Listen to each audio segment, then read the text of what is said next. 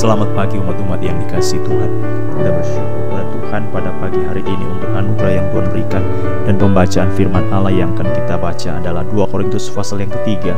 2 Korintus pasal yang ketiga ayat yang ketujuh Kita akan mulai membaca sampai ayat yang ke-11 2 Korintus pasal yang ketiga ayat yang ketujuh sampai yang ke-11 Pelayanan yang memimpin kepada kematian terukir dengan huruf pada loh-loh batu. Namun demikian kemuliaan lalah menyertainya waktu ia diberikan Sebab sekalipun pudar juga cahaya muka Musa begitu cemerlang sehingga mata orang Israel tidak tahan menatapnya. Jika pelayanan itu datang dengan kemuliaan yang demikian, betapa lebih besarnya lagi kemuliaan yang menyertai pelayan roh. Sebab jika pelayanan yang memimpin kepada penghukuman itu mulia, betapa lebih mulianya lagi pelayanan yang memimpin kepada kebenaran. Sebenarnya apa yang dahulu dianggap mulia, jika dibandingkan dengan kemuliaan yang mengatas segala sesuatu ini, sama sekali tidak mempunyai arti. Sebab jika yang pudar itu disertai dengan kemuliaan, betapa lebih besarnya lagi yang tidak pudar itu disertai kemuliaan. Umat-umat yang dikasih oleh Tuhan Yesus, Paulus menyampaikan kepada jemaat di Korintus bahwa mereka tidak ingin menyatakan diri sebagai orang yang terpuji lebih daripada orang lain, tetapi sungguh-sungguh mereka ingin menyatakan dan mengakui bahwa semuanya ini adalah karena Allah. Maka dia berkata, kami tidak memiliki kesanggupan apa pun. Kesanggupan kami adalah pekerjaan Allah. Jadi dia ingin menunjukkan pada semua orang sama seperti dia menyatakan bahwa kekuatannya adalah karena Allah dan orang-orang Korintus juga bisa percaya kepada Yesus karena kekuatan Allah, karena punya Roh Kudus.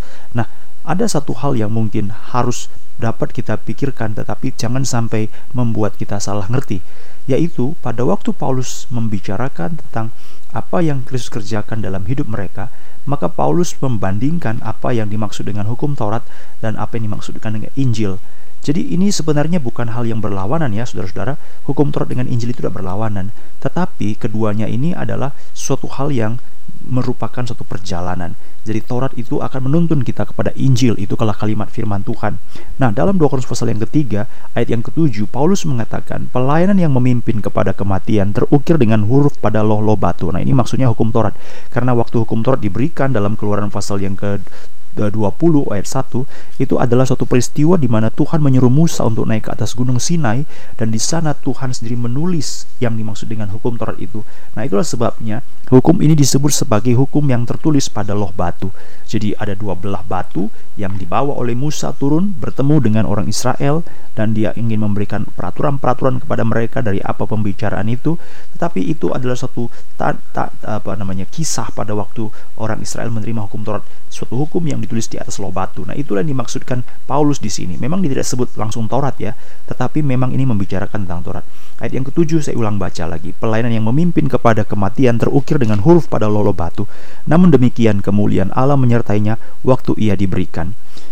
Jadi Alkitab hendak mengatakan bahwa walaupun hukum Taurat itu adalah sesuatu yang terukir pada loh batu, pada benda mati, tetapi waktu hukum Taurat itu diberikan, Alkitab berkata ada kemuliaan yang menyertainya. Nah, kemuliaan itu dapat tahu dari mana? Satu contoh yang dikatakan Rasul Paulus adalah pada waktu dia menerima hukum Taurat itu dari Allah, maka wajah Musa menjadi bersinar, menjadi bercahaya, menjadi berkilau. Jadi ada suatu terang yang muncul. Itu sebabnya dikatakan ini contohnya, cahaya muka Musa begitu cemerlang ayat yang ketujuh. Jadi Tuhan hendak mengatakan hukum Taurat yang tertulis dalam benda mati, dalam loh batu yang tidak bisa bertumbuh, tidak bisa ngapa-ngapain, tidak bisa mengambil sikap, ada kemuliaan yang menyertai. Apakah lagi kemuliaan Injil? Jadi Injil itu sesuatu hal yang hidup Injil itu sesuatu hal yang ditulis dalam hati kita. Bagaimana mungkin? Sedangkan yang tulis loh batu saja ada kemuliaan yang menyertai. Tentu kalau itu tulis dalam roh, loh hati manusia, kemuliaannya itu lebih besar. Nah sekarang kita ingin lanjutkan dulu bagian ini saudara-saudara. Supaya kita dapat mengerti kemuliaan Allah yang nyata itu kapan benar terjadi. Dalam ayat 8, betapa lebih besarnya lagi kemuliaan yang menyertai pelayanan roh Sebab jika pelayanan yang menimbul memimpin kepada penghukuman itu mulia, betapa lebih mulia lagi pelayanan yang memimpin kepada pembenaran. Jadi Paulus tidak membandingkan antara Taurat dengan Injil, Taurat dengan Injil. Taurat ada kemuliaan, ada. Injil ada kemuliaan lebih besar lagi. Taurat itu akan berakhir, iya. Injil itu tidak akan berakhir. Taurat itu adalah sesuatu yang dulu dianggap mulia. Ya, tapi Injil itu lebih mulia dibandingkan dengan yang dulu. Ini sekarang lebih mulia ayat 10 apa yang dahulu dianggap mulia yaitu hukum Taurat. Jika dibandingkan dengan kemuliaan yang sekarang ini yang mengatai segala sesuatu sama sekali yang kemarin itu tidak berguna. Jadi saudara-saudara dikasih Tuhan Paulus tidak mengatakan betapa Injil memegang peran yang sangat penting sekali dalam perjalanan iman orang-orang Israel orang-orang Yahudi. Kita jadi kalau orang Israel itu menerima hukum Taurat, maka alangkah berbahagianya kalau mereka menerima Injil. Karena Injil itu kemudian lebih besar. Tetapi bagaimana dengan kita? Kita adalah orang percaya Yesus, kita adalah orang yang menerima Injil, adalah bahagia bagi kita karena kita sedang berada pada kemuliaan yang lebih besar. Itulah kalimat firman Allah. Sebab jika yang pudar itu disertai dengan kemuliaan ayat 11, betapa lebih mulianya lagi yang tidak putar mulia itu disertai kemuliaan. 12 karena kami mempunyai pengharapan yang demikian, maka kami bertindak dengan penuh keberanian. Nah, sampai di sini dulu kita coba renungkan bagian yang tadi. Yang pertama adalah bahwa yang ditulis dalam loh batu itu mempunyai kemuliaan. Nah, apakah lagi yang ditulis dalam loh hati manusia? Alkitab mengatakan dalam Yeremia pasal 31 bahwa orang-orang yang percaya kepada Allah akan kuberikan perjanjian yang baru yaitu hukumku akan kutaruh dalam hati mereka. Jadi kalau dulu hukum ditulis di atas batu, sekarang hukum ditulis di atas di dalam hati ya supaya kita dapat memahami kalimat-kalimat ini adalah sesuatu yang dituliskan atau disampaikan oleh Nabi Yeremia uh, Yehezkiel maaf dalam Yehezkiel 36 ayat yang ke 26 Yehezkiel 36 26 saya akan bacakan kepada saudara-saudara. Kamu akan kuberikan hati yang baru dan roh yang baru dalam batinmu. Aku akan menjauhkan dari tubuhmu hati yang keras dan kuberikan kepadamu hati yang taat.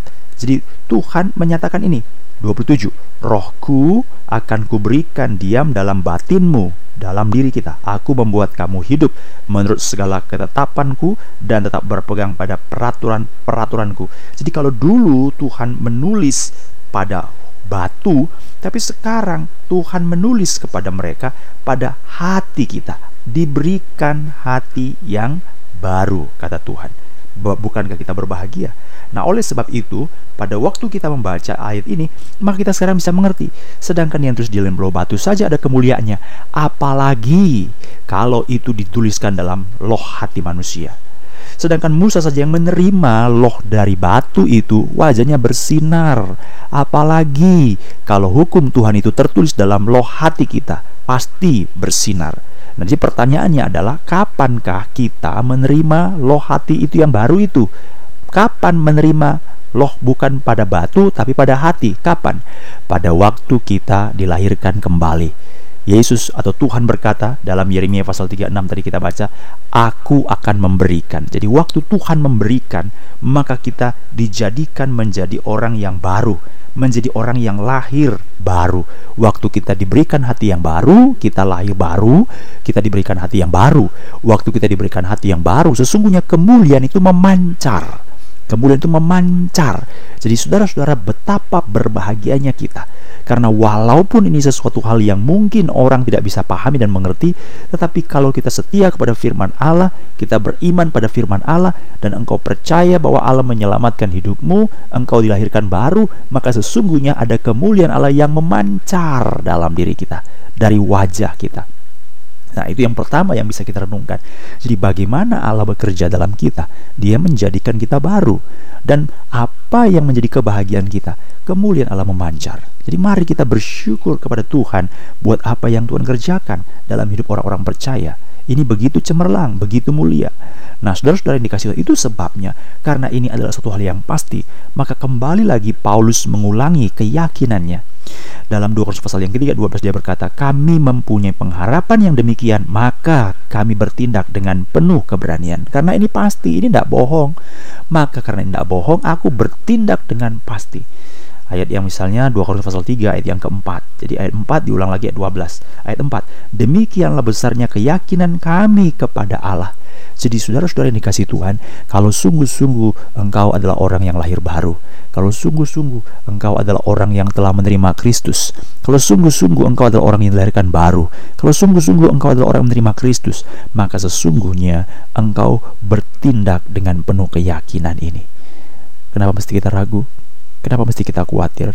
Kenapa mesti kita takut? Kenapa mesti kita harus berpikir berulang kali, berulang kali seolah-olah Tuhan tidak memegang kendali, hanya kita. Kita takut salah langkah, kita takut salah perkiraan, kita tidak berani mengambil resiko. Padahal jelas apa yang kita lakukan itu adalah perintah Tuhan. Saudara-saudara dikasih Tuhan, banyak orang yang berkata kepada Yesus, "Aku ingin mengikut Engkau, aku mengikut Engkau, aku ingin mengikut Engkau." Tetapi pada akhirnya mereka tidak mengikut Tuhan. Kenapa? Karena mereka begitu takut, begitu enggan, begitu tidak berani untuk mengambil resiko. Matius 8 ayat 19. Lalu datanglah seorang ahli Taurat. Ahli Taurat loh ini, ini bukan orang biasa, ini bukan orang sembarang. Lalu datanglah seorang ahli Taurat dan berkata kepadanya, Guru, aku akan mengikut engkau ke mana saja engkau pergi. Dia berkata kepada Yesus, Guru, ayat 20, Yesus berkata kepadanya, Serigala mempunyai liang, Burung mempunyai sarang, tetapi anak manusia tidak mempunyai tempat untuk meletakkan kepalanya. Tidak ada jawaban orang itu. Waktu Yesus mengatakan kalimat itu, tidak ada jawaban orang itu. Matius pasal 8 ayat 21. Seorang yang lain, orang lain lagi, yaitu salah seorang muridnya berkata kepadanya, Tuhan, izinkanlah aku pergi dahulu menguburkan ayahku. Tetapi Yesus berkata kepadanya, ikutlah aku, dan biarlah orang-orang mati menguburkan orang-orang mati mereka. Tidak ada jawabannya. Saudara-saudara dikasih Tuhan, begitu banyak orang mengatakan, "Aku mau ikut Tuhan, aku mau ikut Tuhan, aku mau ikut Tuhan," tapi dia takut mengambil resiko. Padahal dari ayat yang kita baca Matius pasal 8, jelas sekali Yesus sendiri yang memberikan undangan dan panggilan itu. Kalau kita tahu betul-betul bahwa kita dilahirkan baru, maka sesungguhnya kita memiliki hati yang baru kalau kita betul-betul mengerti bahwa kita sudah memiliki hati yang baru, pasti kita memancarkan kemuliaan Allah. Kenapa? Lah yang batu saja bisa memancarkan kemuliaan apalagi yang betul-betul baru dalam hati. Yang terakhir, bahwa pada waktu kita menyadari hal ini, kita tidak bertindak dengan serampangan, tidak bertindak dengan sembarangan, tetapi juga kita tidak bertindak dengan sangat hati-hati sampai-sampai memperhitungkan segala sesuatu. Sangkin menghitungnya, akhirnya kita tidak berani untuk mengambil resiko. Kenapa? Itulah dosa dan kelemahan kita. Jadi saudara-saudara dikasih Tuhan, kalau orang tahu bahwa ini adalah perintah Tuhan, kalau dia tahu bahwa dia sudah ada dalam jalan hidup oh dari Allah, kalau dia tahu sudah berjalan dalam langkah-langkah yang benar, kenapa dia mesti takut? Kenapa dia mesti ragu? Yesus berkata, Yesaya pasal 41, Janganlah takut, sebab aku ini Allahmu. Janganlah bimbang, aku akan meneguhkan dan aku akan memegang engkau, bahkan akan memberikan engkau kemenangan. Saudara-saudara yang dikasih Tuhan, ini adalah suatu janji dari Allah sendiri yang diberikan kepada kita. Yesaya pasal 41 ayat 10. Betapa Allah berkata, jangan takut, sebab aku menyertai engkau. Janganlah bimbang, sebab aku ini Allahmu. Aku akan meneguhkan, bahkan akan menolong engkau. Aku akan memegang engkau dengan tangan kananku yang membawa kemenangan. Yesaya 41 ayat 10 Kalau memang kita betul-betul, maka kita bertindak dengan penuh keyakinan dan keberanian. Itulah yang Paulus katakan dalam 2 Korintus pasal yang ketiga tadi yang sudah kita baca ayat yang keempat dan ayat yang ke-12 karena kami tahu pengharapan akan hal ini maka kami bertindak dengan penuh keberanian. Biarlah hari ini kita melangkah dengan iman. Biarlah hari ini kita merangkah dengan pasti dan berkata Tuhan tuntun langkahku supaya aku sungguh-sungguh mau mencintai dan mengasihi Tuhan